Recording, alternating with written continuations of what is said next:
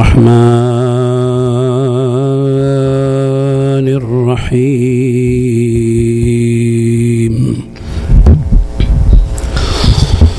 صلى الله عليك يا سيدي ويا مولاي.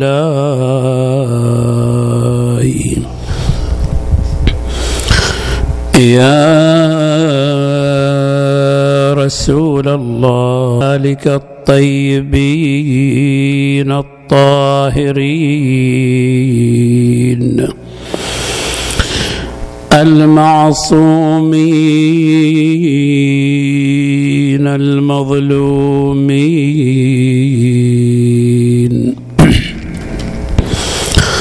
صلى الله عليك يا سيدي ويا مولاي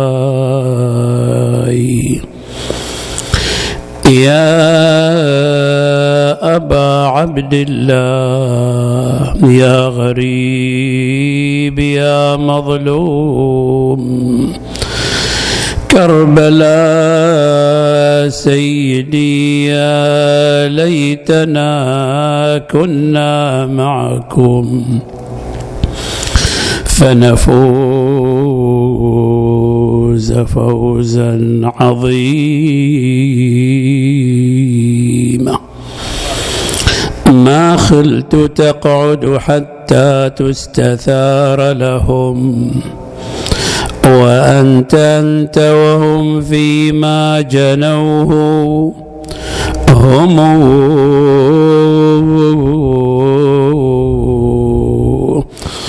فلا وصفحك إن القوم ما صفحوا ولا وحلمك إن القوم ما حلموا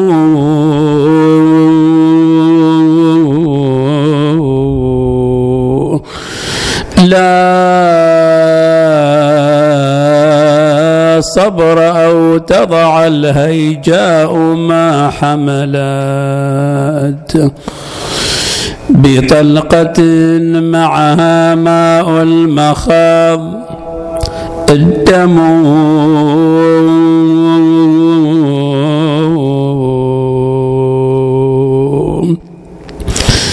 يملأ سمعك من أصوات ناعية. في مسمع الدار من أعوالها.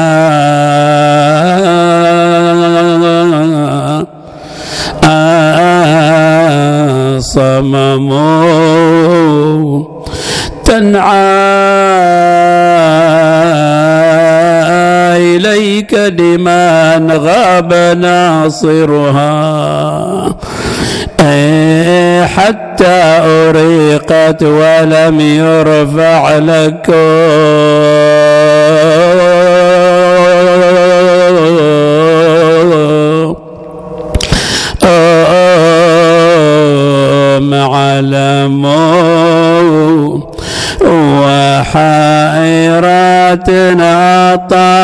القوم وعيونها رعبا غدات عليها خدرها جمو كانت بحيث عليها قومها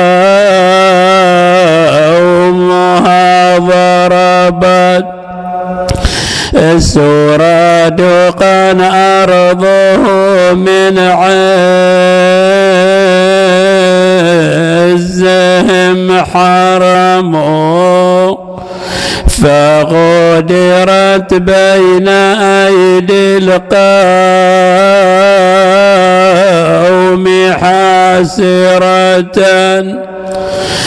تسبى وليس من فيه تعتصم.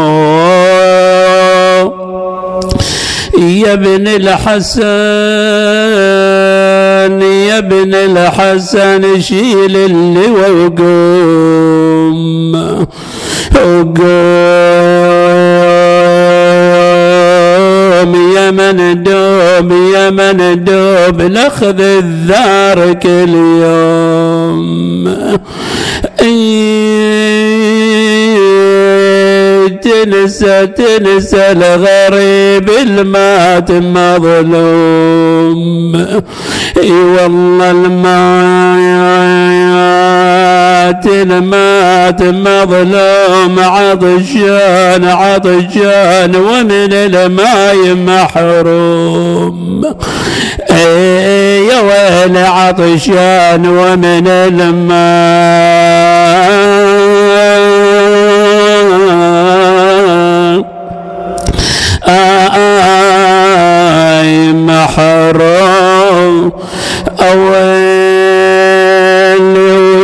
وتنسى سبي زينب وجلذوم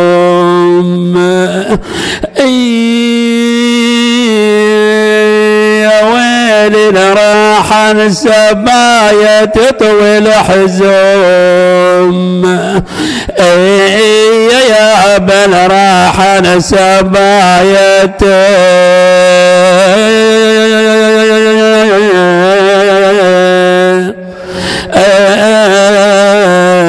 والحزو من هالجرى يا ويلي ما جدك علوم لا حول ولا قوة إلا بالله العلي العظيم. إنا لله وإنا إليه راجعون.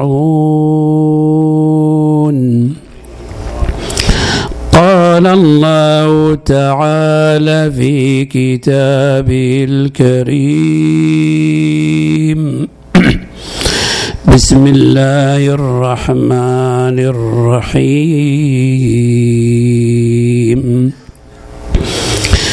يا أيها الذين آمنوا اتقوا الله. وابتغوا إليه الوسيلة. وجاهدوا في سبيله لعلكم تفلحون. صدق الله العلي العظيم. صلوا على محمد وآل محمد.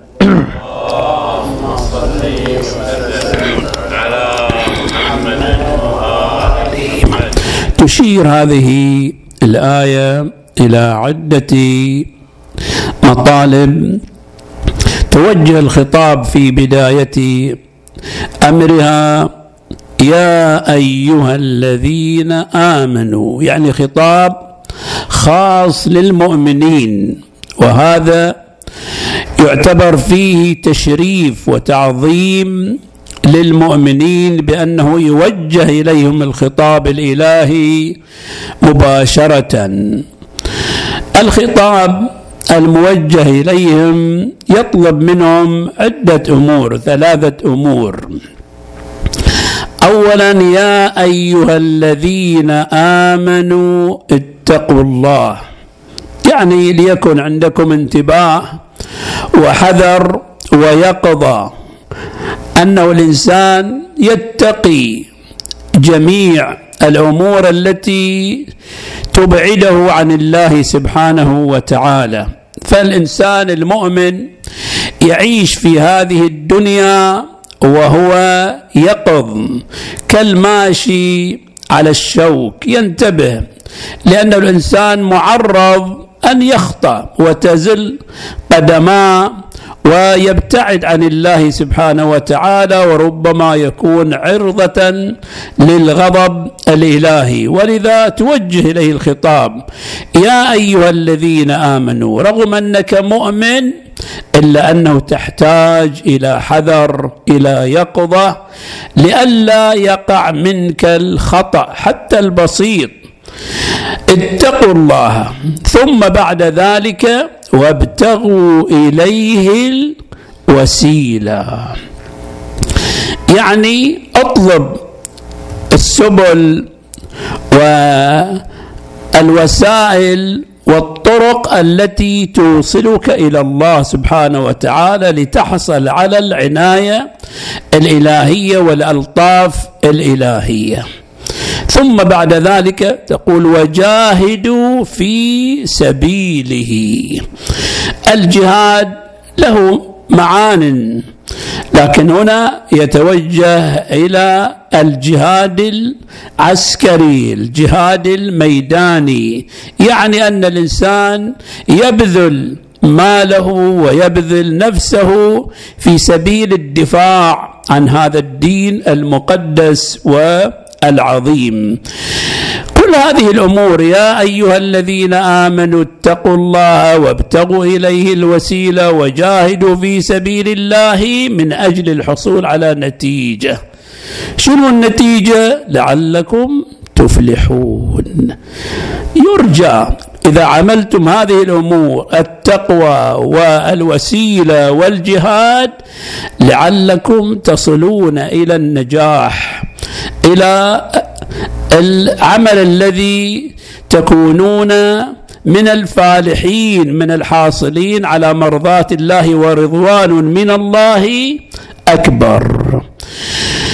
النقطة الذي نريد أن نتحدث عنها هي قضية الوسيلة وابتغوا إليه الوسيلة. الوسيلة هي الصله هي الارتباط هي إيجاد أي أمر يوجد علاقة بين الطرفين؟ عندما تقول أنا متصل بفلان أو أنا عندي وسيلة إلى فلان يعني عندي عمل عندي رابط يربطني به.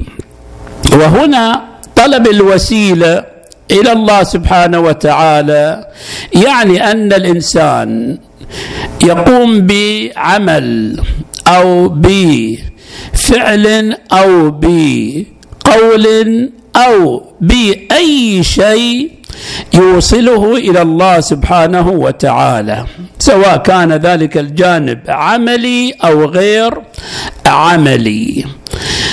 هنا وقع اختلاف بأنه هل أنه إيجاد السبل والوسائل و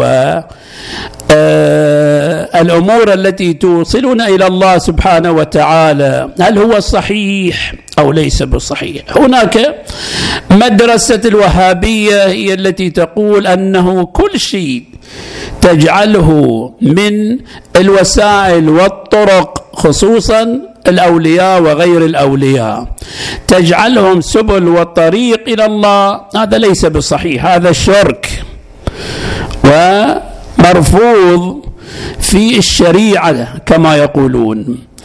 وهناك مدرسة مدرسة أهل البيت ومن يقر بمدرسة أهل البيت أو من يؤيد مدرسة أهل البيت تقول لا ليس كل شيء نجعله وسيلة إلى الله سبحانه وتعالى. هو يؤدي إلى الشرك وإلى الوثنية وإلى الإلحاد وإلى الكفر بالله سبحانه وتعالى. هذه الأمور التي نجعلها وسيلة إلى الله لا تخلو في أمرها وفي حقيقتها. إما أنه هذه الأمور الله سبحانه وتعالى جعلها وأقر بها وقبل بها. وإما أنه هذه الأمور لا أمور لم يأتي أي دليل أن الله يقبل بها ويرضى بها وأنه هل هي صحيحة بأن تجعل وسيلة إلى الله سبحانه وتعالى؟ فهذه تؤدي صحيح إلى الشرك وإلى الوثنية وإلى الكفر بالله سبحانه وتعالى. أما أنه إذا كانت تلك القضية مشرعة في دين الله سبحانه وتعالى فلا نستطيع أن نقول أنها شرك وأنها وثنية. مثلا الآن عندما نأتي إلى السجود والسجود للإنسان هل أن السجود للإنسان مقبول في الشريعة أو ليس بمقبول؟ نلاحظ بأنه السجود للإنسان بأن الإنسان يسجد لغيره يسجد لأبيه يسجد ل أمه مثلا يسجد لحاكمه.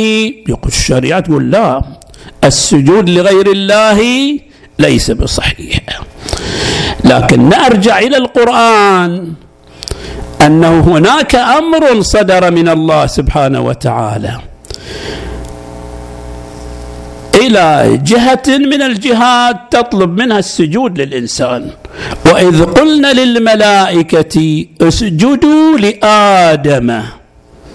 هنا أمر إلهي يطلب منهم السجود لآدم الذي هو الإنسان. وإذ قلنا للملائكة اسجدوا لآدم فسجدوا إلا إبليس. شنو بعد ذلك؟ يحكم عليه القرآن يحكم عليه الله. فأبى واستكبر وكان من الكافرين.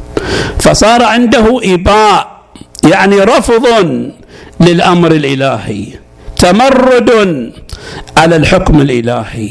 واستكبر استكبار في قبال الله سبحانه وتعالى. وأيضا وكان من الكافرين وأصبح من الكافرين. لأنه الخطاب جاءه يطلب منه أن يسجد لآدم. فرفض هذا الرفض لم يقبل من قبل الله سبحانه وتعالى. ولذا تقول بعض التفسيرات الروائية بأنه إبليس قال لله سبحانه وتعالى اعفيني من هذه السجدة. أنا مستعد وعبد الله سبحانه وتعالى كما تقول بعض الروايات ستة آلاف سنة. اعفيني من هذه السجدة وأنا أسجد لك. طويلة. قال لا أنا أريد أن تسجد من حيث أنا أريد لا من حيث أنت تريد. فلذا هنا أمر إلهي وإذ قلنا للملائكة اسجدوا لآدم فسجدوا إلا إبليس أبى واستكبر وكان من الكافرين. ولذا إذا كان الشيء مطلوب مرضي من الله سبحانه وتعالى فلا حزازة فيه ولا مشكلة فيه. أيضا مثلا عندما نأتي إلى التوسل بالنبي صلى الله عليه وآله وسلم ولو أنهم إذ ظلموا أنفسهم جاءوك واستغفروا الله واستغفر لهم الرسول لوجدوا الله توابا رحيما. فهنا دعوة. تقول الآية الشريفة أنهم لو أنهم يكون منهم هذا العمل هذا السلوك أنهم يأتوك يأتوا إلى رسول الله ويعرضون أمرهم عند رسول الله صلى الله عليه وآله وسلم. ولو أنهم ظلموا أنفسهم جاءوك. جاءوا إلى من؟ إلى رسول الله صلى الله عليه وآله وسلم. مو إلى شيء آخر. ولو أنهم ظلموا أنفسهم جاءوك واستغفروا الله. هم يأتون ويستغفرون الله. ثم بعد ذلك شنو؟ يكون هناك استغفار. يكون هناك شفاعة يكون هناك توسيط. هناك هناك جعل واسطة ووسيلة بينهم وبين الله سبحانه وتعالى. واستغفر لهم الرسول. شو تصير النتيجة؟ لوجدوا الله توابا رحيما. ولذا استغفار النبي شفاعة النبي مطلوبة. بل هي أمر عبادي. ولذا التوسل أمر عبادي لأن هناك أمر إلهي وابتغوا إليه الوسيلة. كل ما يوصل إلى الله من صلاة من صوم من حج من صدقة من صلة رحم كل هذه الأمور تعتبر وسيلة إلى الله سبحانه وتعالى. كل عمل خير يقرب إلى الله سبحانه وتعالى هو وسيلة. هناك رواية الحاكم المستدرك في الجزء الثاني صفحة 615 ينقل هذه الرواية. وينقلها عن عمر بن الخطاب. شنو الرواية؟ الرواية تقول أنه أن آدم لما أخطأ حصل منه ترك الأولى. إيش سوى آدم؟ طلب من الله سبحانه وتعالى. وقال يا رب إني أستغفرك وأطلب منك أن تغفر لي بمحمد. اللهم صل على محمد وآل محمد. لما غفرت لي أو لما غفرت لي على قراءة أخرى. فهو الآن آدم لا يوجد في زمنه النبي محمد صلى الله عليه وآله وسلم. هو أبو البشر. فيتوسل إلى الله أن يغفر له خطيئته بمن؟ بالنبي محمد صلى الله عليه وآله وسلم. ولذا جاءه الخطاب. هذا هم مروية عندهم هم ومروية عندنا في الكافي. في الحاكم المستدرك الثاني صفحة 615 وإحنا موجودة عندنا في الكافي. في أصول الكافي. فجاءه الخطاب عندما رفع يديه واستغفر وطلب أنه الله يغفر له بمحمد صلى الله عليه وآله وسلم جاءه الخطاب من الله. قال له كيف عرفت؟ هذا مو موجود في الآن وياك. كيف عرفت؟ شلون عرفت أنه جعلت هذا وسيلة للحصول على المغفرة؟ قال آدم قال لما خلقتني نظرت في العرش. وفي رواية الكافي في قوائم العرش. رأيت مكتوبا على العرش. لا إله إلا الله محمد رسول الله. صلى الله عليه وآله وسلم. فعرفت أنه قرن اسمه باسمك انه من احب الخلق اليك. من خلال هذا القرب بانه لا اله الا الله محمد رسول الله صلى الله عليه واله وسلم بان يقرن على قوائم العرش باسمك. عرفت بانه من افضل ومن اقرب الخلق اليك.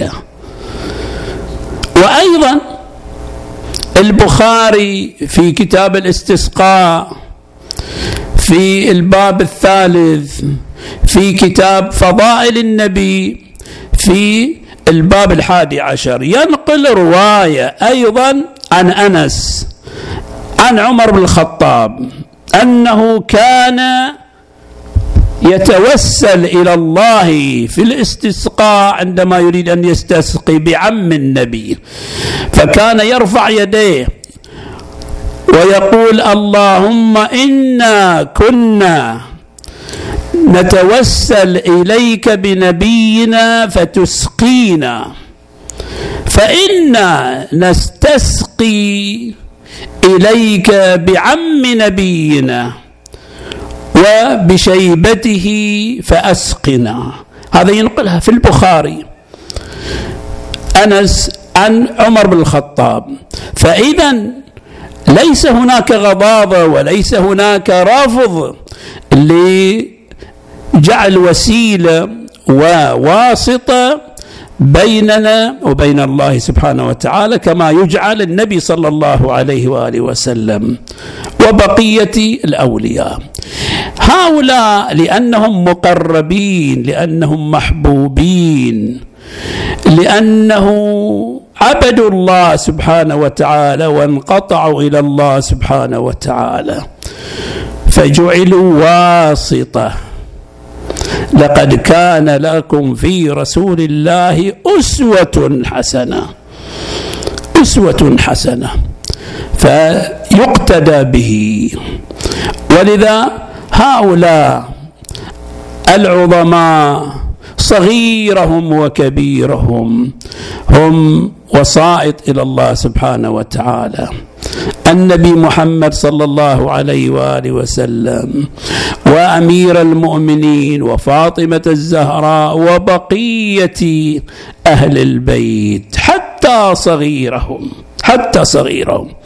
كالسيده رقية هذه العلويه التي الآن لها مشهد في مدينة الأمويين.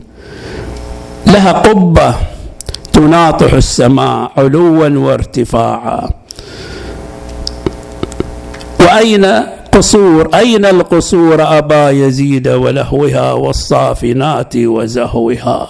وينهم؟ ما أكلهم وجود.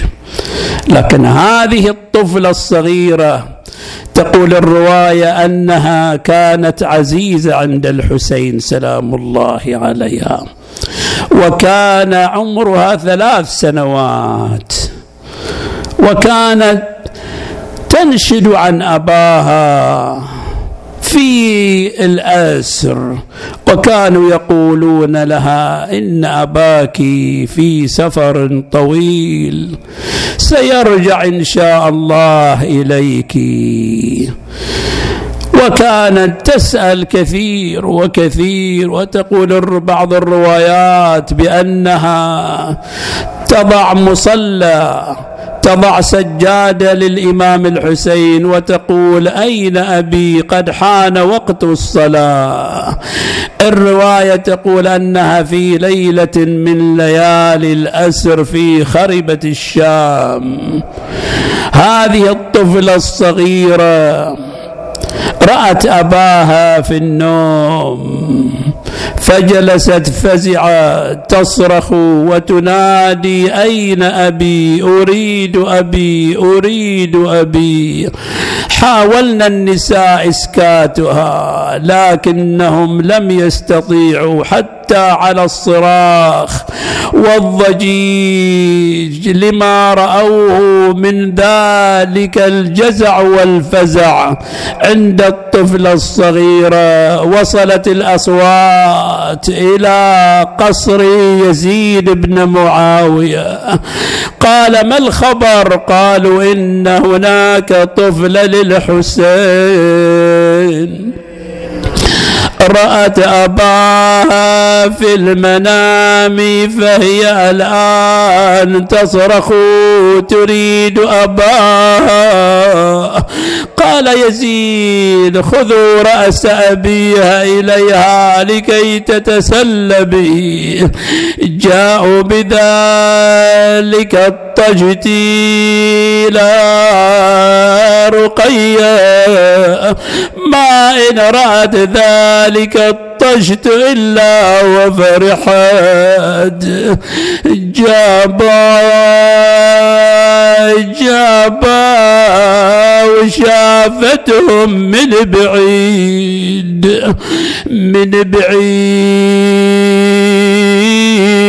وصاحت هلا بيك يا صنديد. يا هلال يا هلال عزنا بليلة العيد. أي والله يا هلال يا هلال عزنا بليلة العيد. وليش ليش قطعت بينا يا صندين يا يابا وليش قطعت بينا.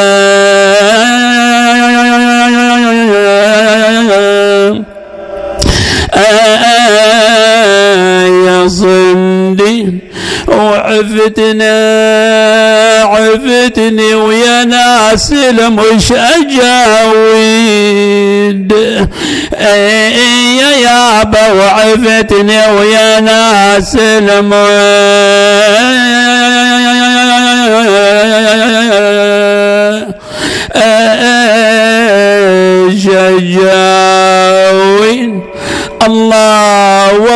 ذلك الطشت أمام رقية. رقية أزاحت ذلك المنديل.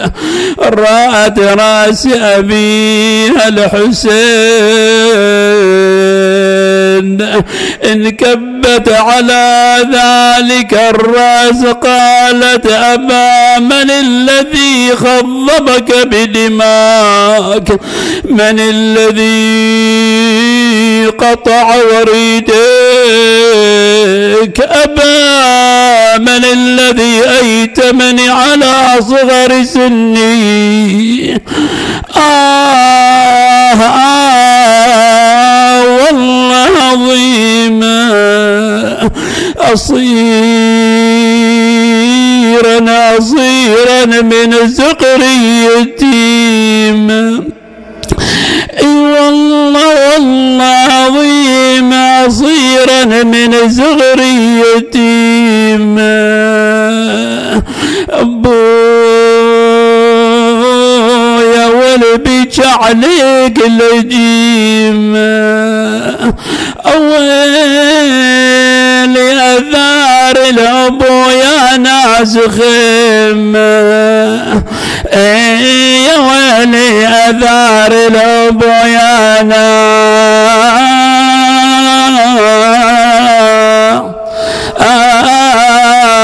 ناس خيمه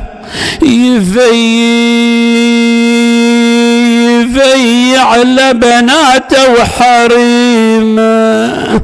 يا ويلي يفيع على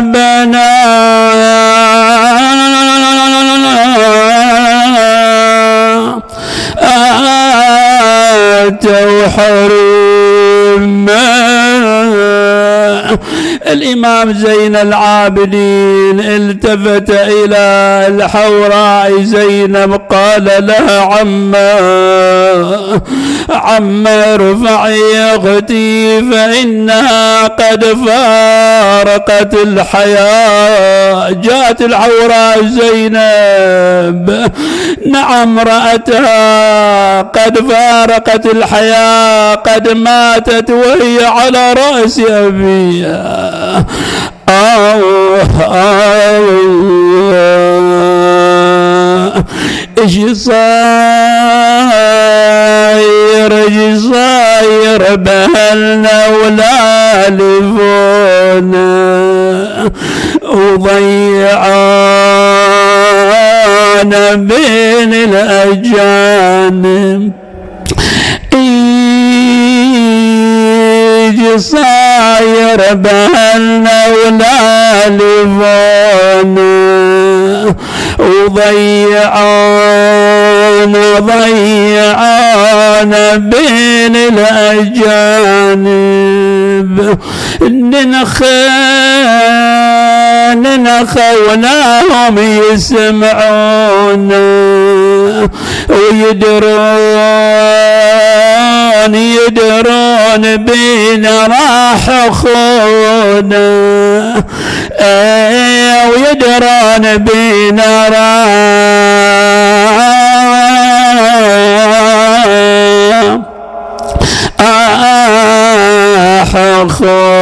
اخونا عجبا لها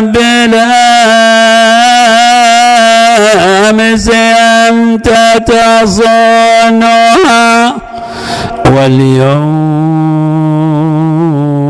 آل أمية تبليها اللهم بحق الزهراء وأبيها وبعدها وبنيها والسر المستودع فيها. اللهم ارزقنا توفيق الطاعة وبعد المعصية وصدق النية وعرفان الحرمة. اللهم آمنا في أوطاننا. اللهم لا تسلط علينا من لا يخافك ولا يرحمنا. اللهم اقض حوائج المحتاجين. اللهم شافي مرضانا يا رب العالمين. اللهم وأنزل شابيب الرحمة على موت شيعة أمير المؤمنين خصوصا العلماء والشهداء وموت الحاضرين والمؤسس. إلى أرواحهم جميعا نهدي ثواب الفاتحة. تسبقها الصلاة على محمد وآل محمد. اللهم صل وسلم